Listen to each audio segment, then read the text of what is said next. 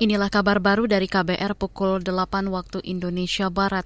Saudara Komnas HAM telah merampungkan proses penyelidikan tragedi Kanjuruhan. Laporannya telah diserahkan kepada Menteri Koordinator Politik Hukum dan Keamanan Mahfud MD, Kapolri Listio Sigit, dan Kapolda Jawa Timur Tony Harmanto. Hal itu disampaikan Koordinator Subkomisi Penegakan HAM Komnas HAM Uli Parulian Sihombing sebagaimana dikutip dari Antara. Kata dia lembaganya mengajukan sejumlah rekomendasi. Pertama, Komnas mendorong pembentukan tim monitoring tindak lanjut rekomendasi terkait tragedi Kanjuruhan. Kedua, Komnas mendorong hakim menjalankan persidangan secara terbuka agar keluarga korban dan publik bisa memantau. Terakhir, Komnas mendorong sejumlah pihak, yakni PSSI, PT LIB, Indosiar, dan Arema, agar melakukan perbaikan tata kelola sepak bola Indonesia yang berlandaskan HAM.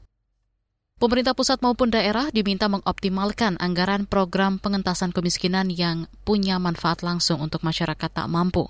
Anggota Komisi Sosial DPR Rahmat Handoyo mengatakan selama ini sebagian besar anggaran lebih banyak dihabiskan untuk keperluan aparatur negara ketimbang publik.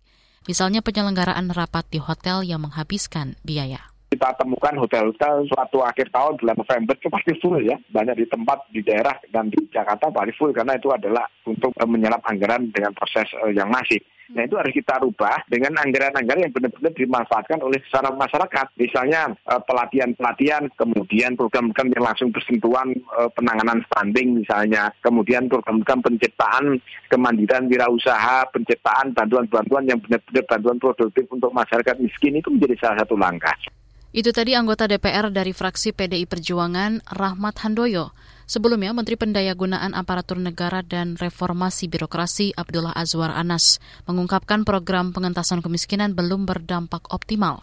Ini lantaran anggaran sebesar 500 triliun rupiah masih banyak digunakan untuk penyelenggaraan rapat di hotel. Persiapan ASEAN Tourism Forum 2023 hampir tuntas. Rangkaian acara digelar mulai 2 hingga 5 Februari mendatang di Yogyakarta.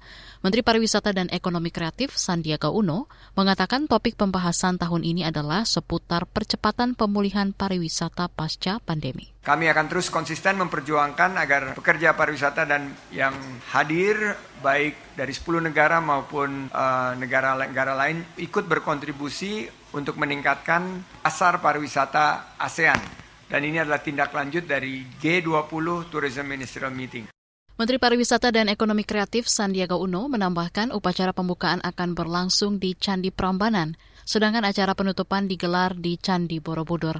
Rangkaian acara lainnya juga akan diselenggarakan di Keraton Yogyakarta. Saudara, demikian kabar baru KBR. Saya Naomi Liandra.